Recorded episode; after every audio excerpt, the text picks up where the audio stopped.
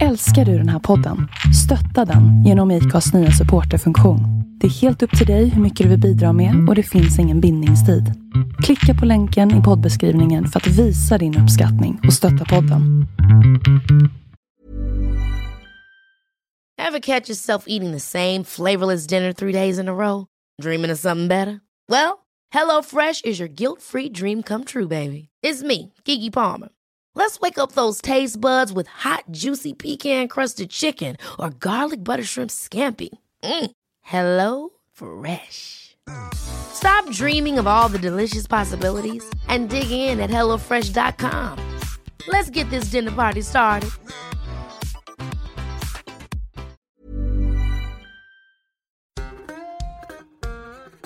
Hej! Emil här. Först vill jag skicka en hälsning till Eva, min första Patreon. Tack så mycket. Eh, du som gillar det du hör här och också vill hjälpa till kan gå in på patreon.com snedstreck vi måste prata och stötta podden med en tia per avsnitt. Tack på förhand. Syftet med den här podden har varit att prata med spännande människor med någon anknytning till Dalarna. Som ni kommer höra på dialekten är dagens gäst inte mas, men jag kunde helt enkelt inte låta bli att prata med honom. För det första för det han skriver, men kanske framförallt för att det han skriver inte får det genomslaget som krävs för att få till en förändring. Med det sagt, här följer andra säsongens tredje avsnitt som gästas av Oskar Månsson. Oskar är sportjournalisten som lämnade Aftonbladet för att stå på egna ben. Han är också en av få journalister som haft kompetensen, hjärtat och modet att ifrågasätta dagens ämne, polisens villkorstrappa. Det här avsnittet av Vi måste prata presenteras av Borlänge Paddelcenter. Du som lyssnar har 40% rabatt på banhyran vardagar fram till klockan 16. Boka på borlängepaddel.se. Ange rabattkoden VMP. Välkommen till Vi måste prata, Oskar Månsson. Tusen tack. Eh, för de som av någon anledning inte har koll på dig, kan du berätta vem du är på ungefär 12 sekunder? Det kan jag. Eh, Jag är eh, sportjournalist som har jobbat eh, ett antal år med fotboll främst. Och numera är jag chefredaktör för Fotboll Stockholm och Fotboll Skåne som jag även är medgrundare till. Och det är alltså, vad ska vi kalla det, nätmagasin om regionell sport? Precis, ja, precis eh, precis vad det är. Ehm, eh, Ungefär som det låter helt enkelt. Eh, Vår grej är att vi nischar oss eh, väldigt mycket. Vi skriver om de största klubbarna i Stockholm och i Skåne. De allsvenska lagen eh, har liksom varit utgångspunkten. Ja, det är uppfattat. Men vi ska inte prata särskilt mycket om själva spelet fotboll idag, utan vi ska diskutera någonting, eller jag diskutera, jag ska fråga dig saker om någonting som heter villkorstrappan Eh, i synnerhet och polisiärt arbete för ordning, ordningsupprättande på fotbollsarenor i allmänhet. Eh, så sammanfatta för de som inte vet det då, vad är villkorstrappan? Om vi börjar där. Eh, villkorstrappan är en modell som polisen har tagit fram i, samarbete med Riksidrottsförbundet bland annat. Och den där modellen handlar om hur, hur man ska eh, sätta olika villkor på arrangörerna, det vill säga hemmalagen som till exempel fotboll eller hockey. Ehm, och de här villkoren eh, utgår inte från hur klubbarna sköter sitt säkerhetsarbete utan villkoren eh, utgår ifrån vad som händer på matcherna. Ehm, och det är där finns en, en bristande logik som får väldigt allvarliga konsekvenser. Det är ungefär som om man skulle ha en, eh, en fotbollsmatch och när en spelare skadar sig eh, så ska domaren alltid visa ut en motståndare. Det spelar liksom ingen roll om den här spelaren har, har trillat själv. Ehm, och i andra ändan om eh, en spelare, om vi tar ett hockeyexempel, får liksom en slashing bakifrån men inte skadar sig, då ska domaren inte göra någonting eftersom det inte blir någon konsekvens. Eh, bara liksom för att illustrera lite absurditeten i det här systemet. Mm. Och det här då, jag ska vara transparent i och med att jag är eh, supporter själv vilket kanske är det första jag identifierar mig som, så har jag svårt att hålla mig opartisk i den här frågan. Nu är det mest hockey jag har, har eh, gått på i mitt liv, men jag har sett en del fotboll genom åren och jag varit förvånad över det här, för jag vet inte om jag är oinsatt, du får rätta mig om jag har fel, men har det inte blivit väldigt mycket lugnare på och kring arenorna de senaste 20 åren? Jo, det kan man ju säga. Man kan ju säga det statistiskt att eh, det blir färre ordningsstörningar, åtminstone de eh, sista 20 åren eh, vet jag inte riktigt hur statistiken är. Jag tror det är samma, samma sak där. Men om man tittar på de sista fem eller de sista tio åren eh, så har det blivit färre ordningsstörningar, åtminstone vad det gäller fotbollen som jag tittar mest på. Där. Ehm, eh, mindre bråk, mindre incidenter, mindre eh, fylla och så vidare. Ehm, däremot Eh, Eh, är det lite svårare att mäta liksom, om man tar eh, problemen kopplade till supporterkulturen. Fotbollen är ju eh, i Stockholm framför allt. Det finns ju huliganism där till exempel. Ehm, och det är ett problem som, som sker utanför arenorna i andra sammanhang. Och det är en liten annan diskussion kan man säga. Hur definierar du huliganism då för de som inte är, är bekanta med den verksamheten? Ja, då, då, tänker jag helt enkelt på firmorna som är kopplade till eh, eh, klubbarna eller som vill koppla sig själva till klubbarna. Eh, det vill säga killar som stämmer träff med varandra för att slåss på olika ställen. I något sandtag någonstans eller ja? Till exempel. Ehm, och det är väl eh, ja, det är ju allvarligt var, var det än sker, men liksom om man ska gradera så är det väl bättre att de slåss i ett sandtag, för då skadar de bara sig själva så att säga. Eh, de drar ju mycket resurser där från polisen också, men det är ju, vi har ju sett en hel del exempel ehm, på när till exempel eh, pubbar och restauranger och sånt här liksom har, har stormats och, och ja, blivit, blivit skador och oskyldiga kommit i, i kläm. Jag upplever det som sagt, och det är så här, min referens om till det hela är, eh, jag gjorde lumpen i Stockholm 99 och gick på ganska mycket fotboll då. Eh, efter lumpen flyttade jag till Göteborg och eh, den säsongen, 99 måste det vara, ja, runt millennieskiftet där så hade Göteborg IFK, ÖIS, Gais, Häcken och Frölunda i Allsvenskan. Alltså fem lag i samma kommun, vilket innebar att det var derby eller ett Stockholmslag på besök varje vecka, verkar det som då. Så jag såg ganska mycket, för Stockholm-Göteborg brukar inte vara de fredligaste tillställningarna när det gäller fotboll. Och de sakerna jag såg med egna ögon på och utanför arenorna då märker, eller ser jag inte något, i varje fall ingen rapportering om idag. Och det, där, det är därför jag tycker det är så konstigt att man från polisen har ökat trycket på klubbarna eh, för att stävja någonting som klubbarna bevisligen då ly har lyckats stävja på egen hand över en 10, 15, 20 års period. Är jag, är jag rätt på det då enligt dig? Ja, där sätter du definitivt fingret på någonting.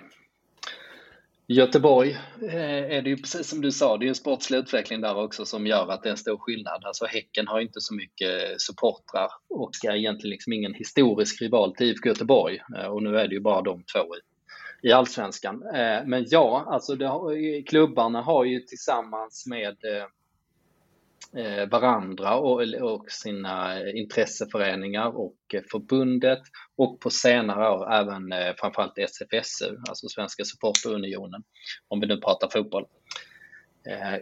Haft en mycket framgångsrik modell som gjort att man haft en dialog och en samverkan och man har involverat, man har lyssnat mycket på den forskningen och kunskapen som finns, liksom hur, man, hur man förbättrar situationen. Ehm, och det har gett Eh, väldigt stora framsteg. Ehm, och det eh, polisen då, när jag pratar om polisen så är det de som har styrt eh, själva idrottspolitiken eh, som har utgått från Stockholm kan man säga. Det de har gjort har egentligen gått på tvärs. Det är lite mer slå först och fråga sen på något sätt. Alltså det är en populistisk linje ehm, där man försöker lösa alla problem genom repression och liksom slå ner på hela fenomenet vilket då leder till eh, ett, ett mycket sämre klimat. Det har ju förändrats, eller försämrades ju väldigt mycket efter att man började införa de här strategierna i praktiken, eh, vilket skedde 2019. Och strategin är alltså att händer det någonting på arenan så eh, blir det repression från polishåll i form av, av alltså vad, vad, vad har de för steg i trappan? Ja, precis. Um, om, det, om uh, en avskadare i ett folkhav eh, missköter sig på något sätt, eh, begår ett lagbrott, så ska eh, arrangören straffas eh, och då kan eh, polisen säga till eh, klubben, nu tar vi bort 5000 åskådare. Så det blir liksom att alltså klubb, klubben Eh, har ju ett intresse av att det ska vara säkert och bra eh, på arenan. Men de blir också eh, straffade av polisen i efterhand. Eh, dessutom är det liksom en, en ren parodi hur de här eh, villkoren går till. Alltså, klubbarna får, kan få neddragningar på sektioner där de redan har sålt biljetter och det finns liksom inget underlag till varför. eh, de har tagit de här besluten och liksom själva motiveringarna och de instruktionerna för hur det faktiskt ska gå till, de kan komma efter matchen och så vidare. Ehm, så det blir liksom en så här helt absurd situation. Men vad sa du nu, alltså kan de, få, kan de få reda på i efterhand att ni borde inte ha släppt in så här många? Eh, nej, men de, de får, de kan säga så här, okej okay, nu drar vi ner med 5000 personer, eh, eller 1000 personer säger vi, och då frågar klubben, Eh, varför det? Och sen så får de inte svar på det förrän eh, efter matchen. Och när klubben frågar, okej okay, men var ska, de, var ska vi dra ner de här tusen? Alltså en sektion innehåller ju en massa olika typer av platser och sånt och det finns eh, olika saker att ta hänsyn till helt enkelt ur ett säkerhetsperspektiv. Men då kommer de svaren inte förrän efter matchen. Eh, så, så har det varit några gånger. Eh, så det blir ett helt bisarrt system. Vad säger polisen när du som journalist frågar dem om hur de har, vad de har för bakomliggande tankar? De säger ingenting eftersom de har bara slutat eh, svara på eh, intervjuförfrågningar. Eller de har åtminstone bara sagt nej till dem som vi på Fotboll Stockholm och Fotboll Skåne har haft. Ehm, vilket jag aldrig någonsin varit med om tidigare. Ehm, jag vet att eh, DN som vi har samarbetat en del med när vi gjort våra granskningar. Apropå det här att medierna jobbar på ett annat sätt eh, nu. Att liksom även de etablerade medierna ser den här problematiken. Eh, men även de har ju fått eh, raka nej på eh, frågor när myndigheten då har förstått att det är lite, eh, lite mer kritiskt granskande. Det där låter ju jättekonstigt. Alltså vi har en, en myndighet som är tillståndsgivare för en verksamhet som engagerar väldigt många medborgare som då är finansiärer av den här myndigheten som vägrar svara på frågor från det som i Sverige kallas den tredje statsmakten, det vill säga media. Eh, hur kan det här inte vara en större skandal än, än vad det är? Ja, det är en, det är en bra fråga. Alltså publikt, var, varför, varför kampar inte Johan Esk utanför Björn Eriksson och tar kort på honom när han går till bilen? Ja, eh, nej men att de inte svarar på, de hänvisar till pågående arbete kan man säga. Så, eh, så jag kan inte liksom inte, nu har du ju, nu har ju frågat ju senast i eh, oktober också, men jag kan inte slå fast att de vägrar prata med mig, alltså i en artikel liksom. Men snart, snart kan jag väl göra det. Än så länge säger jag ju bara att de slingrar sig på olika sätt. Eh, det blir den här, vi har sökt dem för en kommentar. Bara. Ja, och så svarar de att eh, det är pågående arbete just nu. Eh, och de ber att få återkomma. Men nu har det ju gått ganska många månader sedan jag började fråga. Så då kan man ju undra lite när de ska återkomma. Eh, och det har jag ju märkt i många år att det är ju en strategi som även liksom landets ledande polisforskare har uppmärksammat att just det här att fördröja och försvåra och förvilla är liksom en, en del av eh, kommunikationsavdelningens eh, strategier helt enkelt. Eh, vilket är en, bekymmersamt i sig. För den som är intresserad av sådana saker kan man till exempel ta del av Stefan Holgersson, polisprofessor och polisforskare, vad han har kommit fram till om man vill fördjupa sig i den saken. Stefan Holgersson är en drömgäst i den här podden. Han är alltså så pass bra på att forska om svensk polis och svensk polis har deporterat han till Norge. Ja, precis så är det. Um, och eh, det finns även en eh, polisforskare som heter Johannes Knutsson eh, som har eh, vikt ett arbetsliv åt att forska åt deras verksamhet och han kommer fram till Eh, samma, samma slutsatser. Men eh, ja, absolut, ta in Stefan Holgersson i, eh, i podden så kommer nog många känna rätt kalla kårar längs med rygg, ryggraden. Innan jag skulle prata med dig, det här bokades ju rätt snabbt, så ringde jag runt. Jag har ju några kompisar som är poliser, både här i byn men även i Stockholm. Och så någon lumparkompis som har hamnat i Göteborg.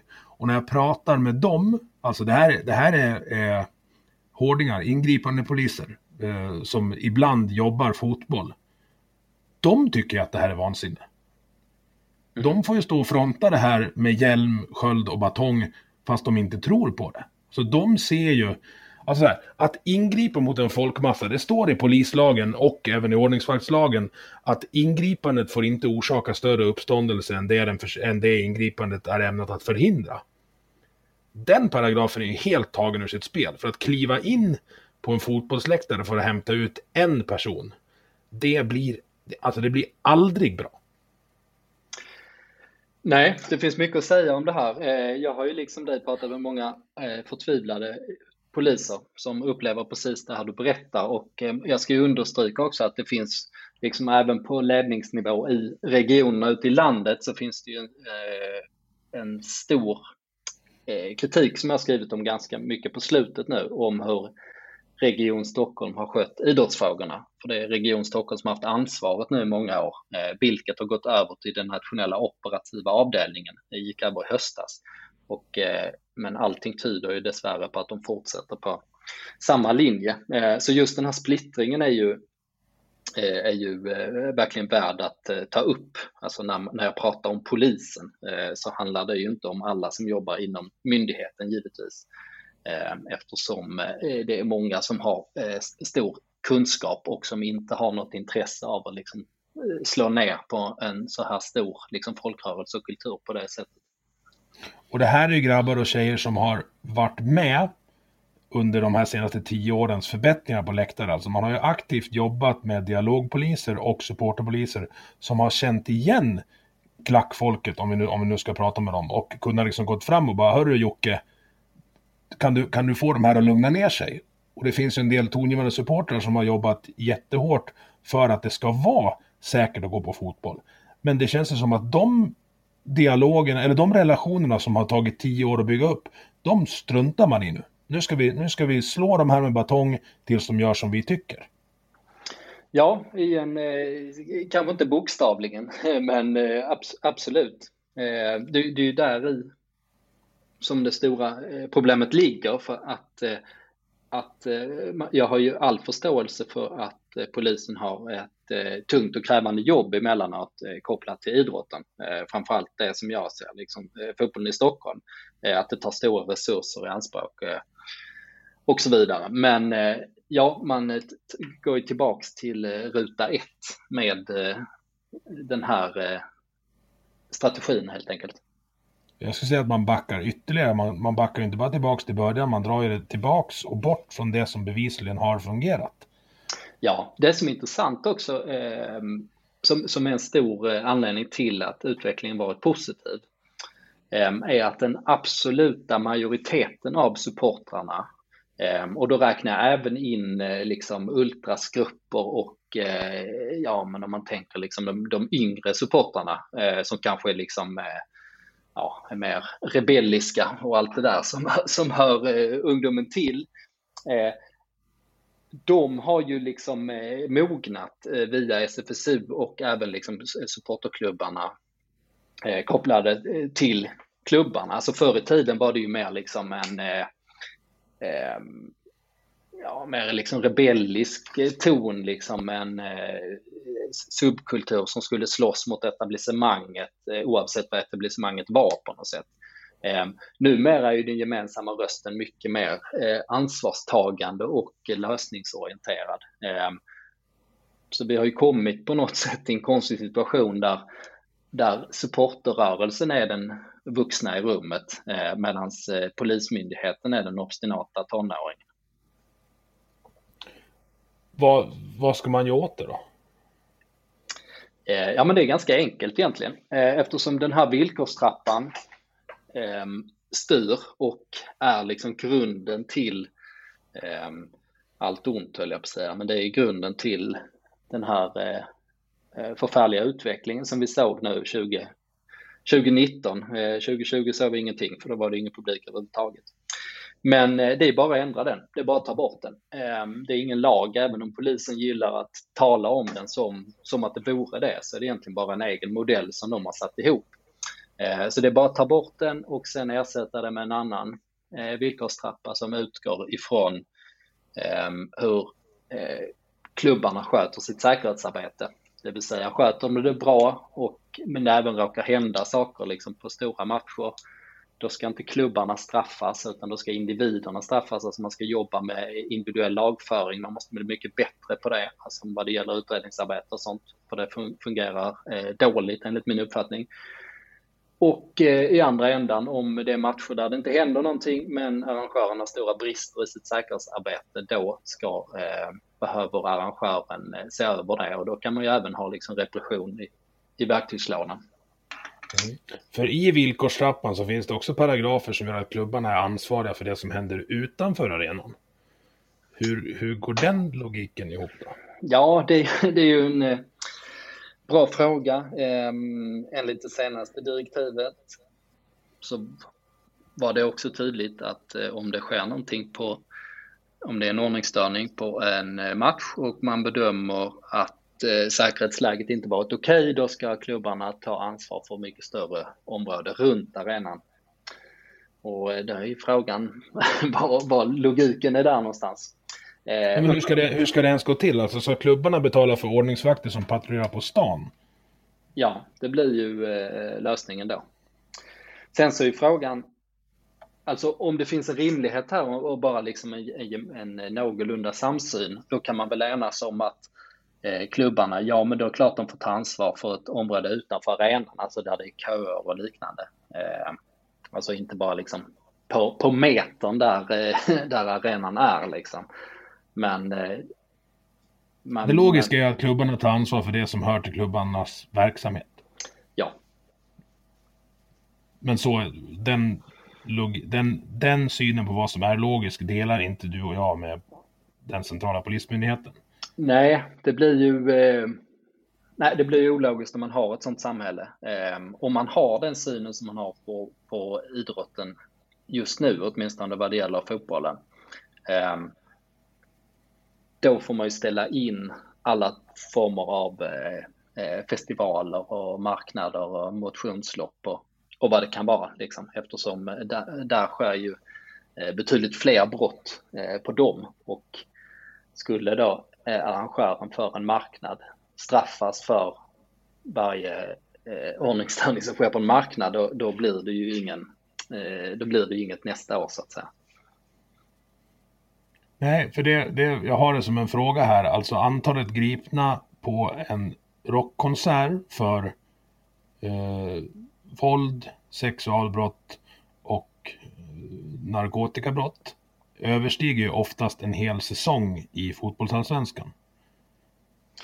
Ja, framförallt är det ju, som du säger där, det är ju liksom värre, grövre karaktär på brotten. Så eh, det är ju det är ju inte att förneka att det finns problem kopplat till eh, fotbollsmatcher som jag pratar främst om. Eh, för det inträffar ju saker. Men i, i, relation så är det ju ganska milt jämfört till exempel med, ja, som du sa, rockkonsert eller någon eh, större festival. Jag tror att det här grundar sig i, och du får gärna rätta mig om jag har fel, jag tror att det grundar sig i allmänhetens eh, uppfattning om hur farligt det är att gå på fotboll, i synnerhet ett Stockholmsderby. För det, det finns må många artiklar, det, det, är lätt googlat när man kollar eh, här dör fotbollen och vågar inte ta med mina barn. Eh, samtidigt, fotbollen lever fortfarande och senast jag var på derby så var det jättemånga ungar där. Så den, den bilden stämmer ju inte. Nej, det är ju åtminstone en förklaring till varför opinionen ser ut som det gör. Det är ju eh, mycket fördomar kopplat till fotbollen, precis som du beskriver. Hur farligt är det att gå på fotboll då? Du som är där oftare än mig. Ja, jag ska ju precis säga att jag sitter ju oftast på en så här bekväm eh, pressläktare. Så jag har ju liksom personligen kanske inte den mest relevanta erfarenheten.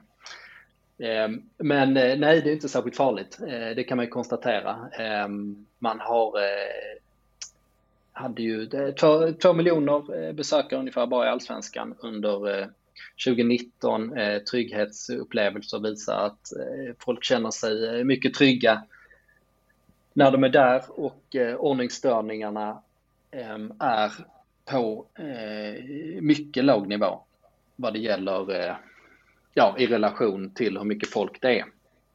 Eh, däremot så kan det ju vara ett eh, eh liksom hetskt klimat och eh, i samband med alltså högriskmatcher och så. Och vi har ju sett incidenter på arenorna eh, där folk till exempel har kastat eh, bengaler och sådär och folk eh, slåss och sådana. Så det, det existerar ju så, sådana exempel. Eh, men eh, i det stora hela så är, tillhör det definitivt eh, undantagen.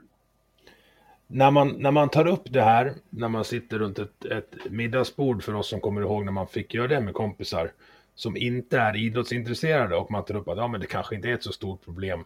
Då tror ju de, en del i alla fall, att man försvarar bengalkastare och eh, grusgropsfighters. Men det, det, handlar inte om det. Alltså jag, jag tror att det är livs... Eller så här, jag vet jag av egen erfarenhet. Det är livsviktigt för många att ha ett idrottsengagemang på läktaren som ventil. För att man, man blir lite mer primat där. Alltså det, det blir... Idrotten är enkel. Jag tror att det är det som är dragkraften. Du vet vilka som är med, du vet vilka som är emot, du vet ungefär vad det är för regler. Uh, I en värld där allting annat är en gråzon så är det rätt skönt att kliva in i den där svartvita bubblan i 2x45 eller 3x20 för mig då. Mm. Och just det jag vill komma till där är att en läktare blir ju i mångt och mycket en självreglerande autonom zon. Så om vi tar jämförelse med sexualbrott på, på festival så skulle jag, för, för om det finns någon, någon eh, potentiell våldtäktsman eh, som lyssnar på den här podden prova att genomföra det under eh, norra på Friends för att se hur det går. För det, det blir inget bra. Nej, det är nog svårt att komma undan. Nej, den, läktaren är ju självsanerande på många sätt. Eh, eh, man kan... Vilket är både, både bra och, alltså det finns positiva och negativa aspekter i det. Men min, po min poäng är att du kommer aldrig kunna tvinga läktaren till någonting om du inte tömmer den. Du Nej. måste, vill du genomföra en förändring i attityden på läktaren så måste det ske genom en dialog. Absolut. Eh, nej, precis. Det är lite kamratuppfostran som jag eh, menar där och det är liksom på gott och ont. Men man kan åtminstone säga liksom att eh, på 80 och 90-talet så var det ju stora problem med rasismen. Ehm, och, eh, eller stora kanske inte, men det var problem med rasism i vart fall på läktaren. Ehm, det är ganska eh, det är nästan utraderat kan man säga. Alltså om du skriker något rasistiskt då får du ju alla emot det helt enkelt. Mm. Eh, sexismen är ju på väg också åt lite samma håll kan man väl säga, även om man inte är, är framme där. Eh, nej, problemet med hela debatten är ju liksom om man eh, om man har den här provokativa inställningen mot eh, det som betyder så mycket för eh, folk och, då, och det är ju verkligen vanligt folk vi snackar om här liksom som sköter sig eh, alldeles utmärkt, att de allra flesta så eh, är på det sättet. Det är ju då man skapar det här eh, eh, dåliga klimatet som då riskerar att bli farligt också. Att polisen provocerar fram det genom att vara totalt orimliga i, i sitt sätt att angripa eller behandla fotbollen. Och liksom, om man ska ta det i ett större perspektiv, så om, om eh, man som medborgare ska respektera ordningsmakten, då måste ordningsmakten vara eh, eh rimlig eftersom de måste ha en eh, legitimitet, det vill säga att du accepterar ordningsvakten, eh, ordningsmakten eftersom eh, den eh, agerar så som man eh, eh, tycker är rimligt, liksom som en del av samhället. Men om ordningsvakten blir orimlig, då får man ju ett problem oavsett vilket sammanhang man är i. Och detta mm. är ett ganska tydligt exempel på det. Och då får man också ett problem som växer, alltså en, en orimligt repressiv ordningsmakt, alltså det vill säga poliser och vakter på en läktare, gör ju att problemet blir större. Du får ju helt plötsligt hela läktaren mot dig. Alltså tusen pers som, eller kanske fem tusen om vi pratar om större läktarna, som ser att vänta nu, det här, så här kan de ju inte bete sig. Då har du helt plötsligt 5000 pers som är emot dig istället för de två som du var från början. Så du kanske, ja, men, alltså, välj, välj dina fighter som, som eh, ordningsvakt.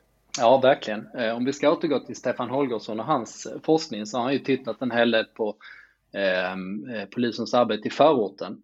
Eh, och eh, det är ju inte så svårt att förstå att det är ett komplicerat arbete på många sätt att jobba i, förorterna. Eh, men där har han ju sett eh, ett, många tecken på en radikalisering bland de unga, framförallt att man helt enkelt liksom inte respekterar polisen och man ser polisen som en fiende. Ehm, och delvis eh, anser ju han då, i sina studier att eh, det beror på att, att polisen varit eh, ehm, onödigt repressiv och, och liksom får skylla sig själva för att de saknar sin legitimitet så att säga. Och det fenomenet kan man ju säga. Alltså det finns en stor risk att det blir så även bland de unga supportrarna. Liksom att, att de ser polisen som en fiende. Eh, liksom ja, ultrasgrupper, alltså väldigt engagerade supportrar men som inte har något liksom med huliganism att göra. Utan, men att de drar liksom åt, eh, också åt fel håll. Eh, det finns en stor risk i det. Eh, och sen kan man väl lägga till också, alltså, i och med att jag har hållit på att granska det här i så många år, så har jag ju sett att ehm, uh, polisen sprider mycket falsk information. Alltså jag har kunnat belägga på många sätt uh, där uh, polisen har bara sagt rena felaktigheter och medvetet liksom lagt fram olika former av dataundersökningar på liksom medvetet felaktigt sätt. Eh, Då måste det... vi prata om containern. Ja, det är ett favoritämne. Ja, den är, alltså, jag, jag låter dig berätta bara så, så får folk eh, helt enkelt lyssna på mig när jag skakar på huvudet. Ja, jag trodde ju eh, till en början att jag läste fel i papperna när jag började titta på det här. Jag förstod liksom inte vad jag... Jag tänkte oj, vänta, nej men här blev det ju fel. Han, här måste nog ha skrivit fel och, och sådär. Eh, ja, men det, det, var så att jag jobbade på Aftonbladet för ett antal år sedan och då började jag och min eh, kollega Kristoffer Bergström, eh, vi var intresserade av att ta reda på hur farlig pyrotekniken egentligen var. Eh, för det var, det var väldigt uppskruvat klimat just då och folk var väldigt mycket för eller emot. Men vi ville försöka ta reda på hur, far, hur farliga de här pjäserna egentligen var. Alltså framförallt röken, men eh, eh vilket alla diskuterade, men också liksom vilka större faror det finns med den. Eh, och i det arbetet kom vi fram till att eh, eh, det fanns inga belägg för att röken var farlig. Eh, vi tittar noga på de studier som är gjorts och pratat med de experterna som utvärderat det. Däremot fanns det en risk att eh, det uppstår en paniksituation på läktaren. Det är liksom det som är den stora risken och den ja, risken i sig är ju låg bevisligen eftersom det har eh, förekommit så mycket pyroteknik på läktaren under så mycket år och det har aldrig skett. Men om det sker så är det en stor fara. Ehm, eh, att det tar eld i en flagga eller en jacka eller någonting och det blir panik. Eh, det är liksom det det handlar om. Men vad det gäller röken, eh, då, hade man, då gjorde polisen en seriös studie på Friends Arena 2013 eh, där man använde sig av eh, olika experter och de testerna visade på att röken inte var farlig, eh, ganska långt ifrån till och med. Och då hade man de vanligaste pyroteknikpjäserna. Men sen är... pratar vi bengaler och uh, rökbomber. Ja, den gången var det bara sådana här uh, bengal, alltså nödbloss, de vanligaste. Ja. Um, men sen var polisen uppenbarligen inte nöjda med de svaren så då gjorde man egna tester. Då hade man inga experter utan då gjorde man det själv och då slängde man ner en massa pjä pjäser i en stängd container eh, och mätte röknivåerna där. Eh, det man alltså mäter det är giftiga partiklar per liter luft eller per en, en enhet luft. Ja, precis. Och om man då inte tillför någon frisk luft. ja, vilket, vilket, alltså det här är så jävla dumt Oskar så jag vet, jag vet inte vad jag ska... Va, va, ja, och du, du upptäckte det här och eh, du är journalist så du ringde väl upp någon? Ja, precis. Det var väl fler som upptäckte men eh, eh ja, man, eh, polisen fick ju då helt annorlunda. De fick ju flera hundra gånger högre halter nu plötsligt och då var det ju farligt. Eh, att inandas den, att befinna sig inne i den stängda containern var ju inte hälsosamt då. Eh, och det kommunicerar polisen ut i samband med en presskonferens eh, där man pratade om att det här är skäl till att man ska eh, avbryta matcher och sånt här, för det är farligt för poliser att jobba där och liknande. Ehm, och då har jag ju pratat med framförallt en intervju minns jag med den polisen som uttalade sig då, som heter Per Engström, som numera är ansvarig för hela idrottspolitiken i Sverige kan man säga, eller han är ordförande för det nya idrottsrådet. Det kanske inte båda så gott. Men han hade ingen som helst förståelse för att det blev olika resultat upp på Friends Arena eh, som i en stängd container. Så eh, då eh, blev det en ganska absurd eh, konfrontation som jag gjorde med honom kan man väl säga. Finns den kvar så vi kan länka till den i avsnittsbeskrivningen? Ja, den finns som en passage i en jättelång granskning. Eh, ja, som, då ser vi till att vi, att vi har en länk där. Som jag gjorde det. Men höjdpunkten var i alla fall när jag frågade, för det, i den här rapporten från containertest så stod det att polisen ville, hade som syfte att skapa en arenalik miljö. Eh, och då frågade jag honom om varför de inte gjorde det på en arena Eh, och det gick ju inte. Och då frågade jag honom, men tycker inte du att en arena är mer arenalik än en container? Eh, och då, och då lyckades han faktiskt inleda det svaret med ett nej. Och då får var och en liksom, ja, kan man måla in sig längre i ett hörn då undrar man ju. Ja, det kan man. Men kanske inte om man, om, man, om man är den killen. Men om man är Björn Eriksson så kan man ju det. Ja, kanske. Men hur som helst, eh, det, sen, sen så var ju nej, det var ju något slags undvikande svar som kom efter det. Men eh, det är i alla fall eh, eh, hopplöst att eh, fungera på det sättet. Å andra sidan är det bara att ändra allting. Det är bara att ta bort villkorstrappan och eh, eh, glömma det som varit och jobba med ehm, samverkan och eh, evidens och sen så hade man ändrat allting på en vecka och sen kan man gå vidare. Vad bedömer du oddsen är för att det kommer hända? De eh, ser jag som ganska låga eftersom det är för... Eh, Höga en, menar du? Eh, ja, precis. Ja. Att det ändrar, just det. Eh, nej, det, det verkar inte så sannolikt att det kommer ändra sig. Eh, för det kom ett nytt dokument nu vilket är lite av anledningen till att jag, jag har ringt upp dig, som du skrev om häromdagen. Och bara det här måste jag prata med Oskar om. Eh, berätta om det. Ja, eh, som sagt kritik från eh, olika regioner ute i landet som inte har gillat den här villkorstrappan. De har varit tvungna att förhålla sig till den, men deras lösning har varit att egentligen, alltså, inte tolka den så bokstavligt, utan bara vara lite snällare. Och det är ju inte heller liksom en långsiktig modell. Eh, såklart. Men eh, NOA, nationella operativa avdelningen som har eh, eh, ansvaret för idrottsrådet nu, de, de kom med det här eh, lilla styrdokumentet som vi fick, eh, fick loss. Och där stod det egentligen, var ganska kort, men det stod att villkorstrappan eh, kommer att eh, fortsätta och det är samma, samma sak som gäller. Det blir kraftiga publikneddragningar om det, om det är ordningsstörningar och, eh, eller osäkert säkerhetsläge och att eh, sån här utvidgad idrottsanläggning är, eh, är en metod och så vidare. Så eh, det är väl där vi står.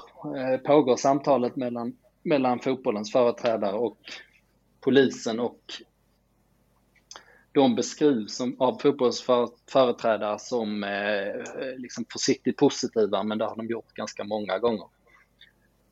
Um, och... Det ska man ha klart för sig att fotbollen står ju relativt eller så här, fotbollen är mer enad i den här frågan än i många andra frågor som rör fotbollen. Mm. Alltså supportrar, säkerhetsmänniskor, uh, klubbledningar. Det är ingen som riktigt tycker det här är bra. Det har till och med varit, alltså när det har varit manifestationer på läktaren, i varje fall i Stockholm, så har spelarna gått ut till uppvärmning i t-shirtar med samma budskap som supportrarna har på läktaren. Just att det här funkar inte, vi måste slopa villkorstrappan nu. Ja, det är lite nytt att egentligen bara polisen och en del av polisen i ena ringhörnan och resten i andra så att säga. Ja, precis. Jag skulle bedöma att du har en majoritet av polisen på supporternas sida i frågan. Alltså i varje fall de, de som jobbar operativt på matcher som, som blir tvungna att verkställa det här. Så kan det ju mycket väl vara. Eh, lite svårt att bedöma, men, men absolut. Eh, de som är på polisens sida upplever jag är väl eh, eh, Eh, en stor del av allmänheten fortsatt, även om det är ganska många som har svängt där. Eh, men eh, helt enkelt att man eh, gillar liksom hårda tag bara sådär mot fotbollen och tänker att det, det är det bästa. För det får man höra ibland från, om vi ska kalla dem allmänheten, det vill säga de som eh, sällan eller aldrig sätter sin fot på en idrottsarena, kan man få höra att, eh, ja men vad är problemet? Det är väl bara att göra som polisen säger. Problemet eh, med det finns illustrerat i, i, en mängd filmklipp. Jag tror att det bland annat är en Hammarby bortamatch nere i Skåne där eh, poliserna från två håll försöker driva en folkmassa genom en trång passage. Och då går det ju inte, det tar ju stopp.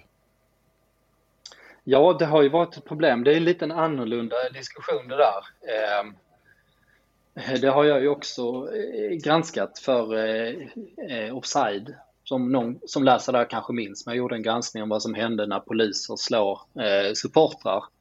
Ehm, och då visade det sig då att ingen polis hade blivit fälld för misshandel av en åskådare i samband med fotbollsmatch. Och alltså, då... ingen någonsin? Ingen någonsin eh, vad man har kunnat eh, hitta. Eh, jag har pratat med väldigt mycket personer och försökt leta fram något fall, eh, men, det, men det fanns inget sådant att finna och det har inte dykt upp någonting på de fem senaste åren heller. Så ingenting tyder på det. Och sen så gick jag igenom de här, eh, ett antal eh, uppmärksammade fall kan man väl säga, eh, med ganska brutalt våld där det fanns ja, men hyfsat material, det fanns filmmaterial i, i vissa fall. Det fanns många vittnen, det fanns läkarutlåtanden och så vidare. Och så gick jag igenom vad som hände där. Och då går, ehm, i de här fallen jag tittar på så gick det till ehm, polisens internutredningar ehm, där eh, utredaren eller eh, åklagarna bara tog materialet och slängde det i papperskorgen i stort sett för att eh, det hölls liksom inga, inga förhör och, och varken med liksom den som hade blivit slagen eller den misstänkte i de, de fallen det fanns sådana. Så det var ju ett uppenbart systemfel. Ehm, och det man kunde se i den där diskussionen eh, och framförallt i forskningen var att de poliserna som återkommer i de här fallen, det gäller liksom även utanför fotbollens värld, ehm, är ofta samma personer. Det är lite som, det är lätt att överföra det till eh, idrottens värld, att det är liksom ett, ett fåtal som ställer till problem för resten, som kan ställa till med ganska stora problem. Man såg samma tendenser inom polisen där. Men eftersom ingenting hände och de här poliserna bara kunde jobba vidare så upprepades det här eh, gång på gång. Ehm, det är ett sånt ämne som du kan ta upp med vår vän Stefan Holgersson, eh, polisforskaren. Ja, jag ska verkligen jaga han. Han har, jag... har en del att säga till om den saken. Jag nämnde Björn Eriksson, eh, före detta rikspolischefen, som gjorde en, eh, den kallades till och med huliganutredningen va? Mm. Det, det som störde mig mest där, det var ju att han samtidigt som han utreder någonting som Uh, alltså han utreder huliganproblematiken, kommer fram till att en bra lösning på det här är en större närvaro av ordningsvakter och väktare på arenan. Eh, men han, han jobbar med annat under tiden, eller hur? Han satt inte bara och utredde det här. Nej, eh, jag har inte hela kronologin framför mig nu, men han, efterhand, eller var det strax efter, han eh, gick i alla fall över som... Eh, det var nog mitt i faktiskt, det var innan, innan utlåtandet kom i alla fall. Ja, det var det kanske. Han gick i alla fall över som lobbyist för eh, vaktbolagen kan man säga, deras eh, en intresseorganisation som har stort inflytande. Så den politiken som han drev framgångsrikt eh, gynnade ju eh, eh säkerhetsbranschen eh, väldigt mycket. Vad praktiskt. Och eh, som ordförande för RF, eh, att företräda idrotten på det sättet är ju fullständigt olämpligt i mina ögon. Ehm, det är eh, en roll där man, eh, ja man ska ju inte kunna ifrågasätta ens intressen överhuvudtaget, liksom förutom idrotten. Men det är ett problem som Björn Eriksson har överlag. Ehm, Mm, jag googlade lite, han, sitter, han är ju även frontfigur för eh, något som kallas för kontantupproret för att eh, butiker inte ska kunna eh, bara acceptera kort utan ha kontanter också.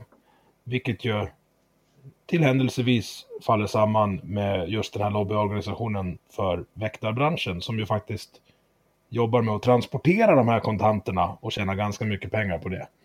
Så det verkar ju vara ett, eh, som GW Persson skulle säga, modus operandi från den gode Björn. Han är ju väldigt eh, inflytelserik. Han är framgångsrik också får man ju säga på det han gör. Eh, men eh, nej, det är helt eh, olämpligt. Det är ju en eh, lite annan diskussion, men det fanns ju mycket att ifrågasätta vad det gäller hans roll i liksom hela coronahanteringen också. Där han, han fick ju till möten med eh, politiker hela tiden, men eh, det var inte så konstigt tänkte jag eftersom han eh, snarare verkar företräda deras sida än idrottens sida. Eh, det var ju ett exempel när, eh, när eh, fotbollssäsongen i fjol, eh, fotbollsrörelsen mobiliserar ju för att få igång säsongen, alltså dock utan publik, men det var ju en eh, ödesfråga för dem. Att, eh, ja, för att eh, en massa klubbar inte skulle gå i konkurs helt enkelt eftersom det finns en massa centrala avtal och sånt som är ja, riskerade att brinna inne. Så det var ju liksom absolut högsta vikt av dem att, att man åtminstone kunde spela. Eh, och Björn är ju, eh, han ska ju företräda idrotten då, men han uttalar sig som en eh, politiker mot idrotten, eh, tyckte jag. Han pratar ju om till exempel ett uttalande där han sa att eh, vi talar om den värsta krisen i mannaminne eh, och samtidigt pratar vi om att kicka boll, eh, sa han. Det liksom stod lite på fel sida där kan jag tycka, eh, vilket har varit återkommande. Åtminstone om man, om man ser det liksom ur fotbollens perspektiv. Ja, eh, jag tror jag har fått reda på allting jag vill. Jag mår inte bättre nu än vad jag gjorde när jag började prata med dig, kan jag säga. Jag blir ju Alltså jag vet, jag vet inte, vad har, vad har, hur, är, hur ser din supporterbakgrund ut? För jag antar att det finns ett idrottsintresse i grunden innan du var journalist. Så är det. Nej, det stämmer. Jag är ingen, ingen glädjespridare, de här eh, ämnena. Um, och eh, det är ju min erfarenhet bara som, som gör det. Jag har liksom ingen agenda i grunden, eh, mer än att jag tycker att jag gillar Eh, Eh, idrott och att jag tycker att eh, man bör ta tillvara på den kulturen som är liksom av det mesta av godo. Eh, nej, själv, jag har inte så jäkla mycket supporter i grunden faktiskt. Eh, uppväxt i Skåne, i Hör, en by mitt i Skåne, har väl följt lite olika lag sådär. Eh, men jag har ju aldrig stått på någon, eller någon gång har det väl hänt, men jag har ju aldrig varit någon klackperson eh, sådär. Eh, jag kollade mycket fotboll i Malmö och Helsingborg när jag växte upp. Eh, lite, ja, lite hockeyintresse också som liksom dog lite på bekostnad av, eh, eller det blev mer fotboll för mig efterhand. Men nej, jag är ingen supporter och egentligen, har egentligen aldrig varit det heller. Inte, inte inte före jag började liksom journalistkarriären heller. Eh, men idrottsintresset har ju alltid stått på liksom 100 av 100. Mm. Men det är ju jag och jag betecknar mig fortfarande i, i första hand som, som Leksandssupporter och i, i första hand pappa kanske, men sen är det nog Leksand. Och, alltså jag har varit på bortamatcher eh, regelbundet sedan oktober 1996. Och har med egna ögon sett hur stor påverkan eh, den första kontakten man har med säkerhetspersonal man kommer fram till arenan påverkar hur, hur stämningen blir på matchen. Alltså det är helt otroligt viktigt. Alltså man kan, man kan komma någonstans där de står med dragna batonger, till och med vi läxingar som är liksom kända för att vara hyfsat fredliga när vi är ute och, och, och härjar. Ja, det är inte så mycket grusskrop på er va? Nej, inte jättemycket. Eh, eller ja, vi har ju sådana här överallt, men vi slåss sällan i dem. Nej, men vad jag skulle säga, jag, jag har, jag ska inte hänga ut någon nu, men när man kommer till, när man kommer någonstans där man får skäll innan man har klivit av bussen, då blir det, det blir inget bra. Eller så kommer man till Ängelholm, där, där polisen visserligen möter upp vid en rastplats utanför, men där en polis går på bussen medan vi rullar in, tar mikrofonen och säger Hej läxingar, vad roligt att ni är här de här reglerna gäller utanför vår arena och de här reglerna gäller i vår arena. Lycka till ikväll och ha så kul. Och sen gå runt och liksom titta folk i ögonen på bussen och så. Det är ingen som bråkar då. Men kommer Nej. man någonstans där man blir behandlad som en jävla apa, då får de en jävla apa på läktaren också. Det, det är inte svårare än så.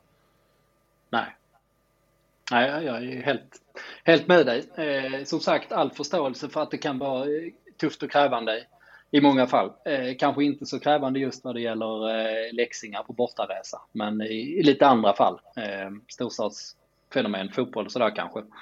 Men eh, ja, logiken där är ju solklar. Eh, och det är precis den här saken har jag pratat med många poliser om också, liksom, som har jobbat i många år och som vet vad det där bemötandet betyder och hur det sprider sig. Ehm, och liksom hur ledarna i de här gängen, alltså om de respekterar polisen, då kommer även de eh, ja, lite mer riskabla elementen eh, förmodligen lugna sig. Ja. Du, jag vill bara från, från botten av mitt hjärta, supporterhjärta, säga tack för att du orkar jaga på det här. Sluta aldrig och berätta hur eh, de som lyssnat, de som har orkat lyssna på nästan en timme av, av mig och dig nu, hur kan man följa dig och ditt fortsatta arbete?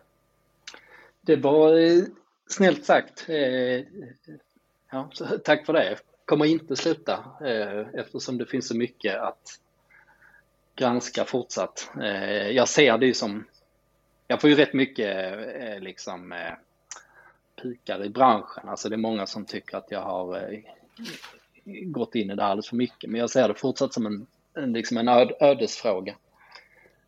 Um, så, men det är klart, om man bara ändrar helt och hållet, då kommer jag sluta ganska också. För då finns det förmodligen inte så mycket att titta på där. Då kanske jag börjar se på huliganismen mer istället. Eller någonting. Men eh, ja, gillar man eh, fotboll i Skåne och fotboll i, i Stockholm eh, så får man ju hemskt gärna läsa eh, Eh, på Skåne, på Stockholm som man hittar. Och eh, Oskar Månsson hittar man då också på sociala medier och så om man, är, om man har datakörkort. Ja, det, för det har man. Du, tack för att du tog dig tid Oskar och återigen kämpa på. Tack själv.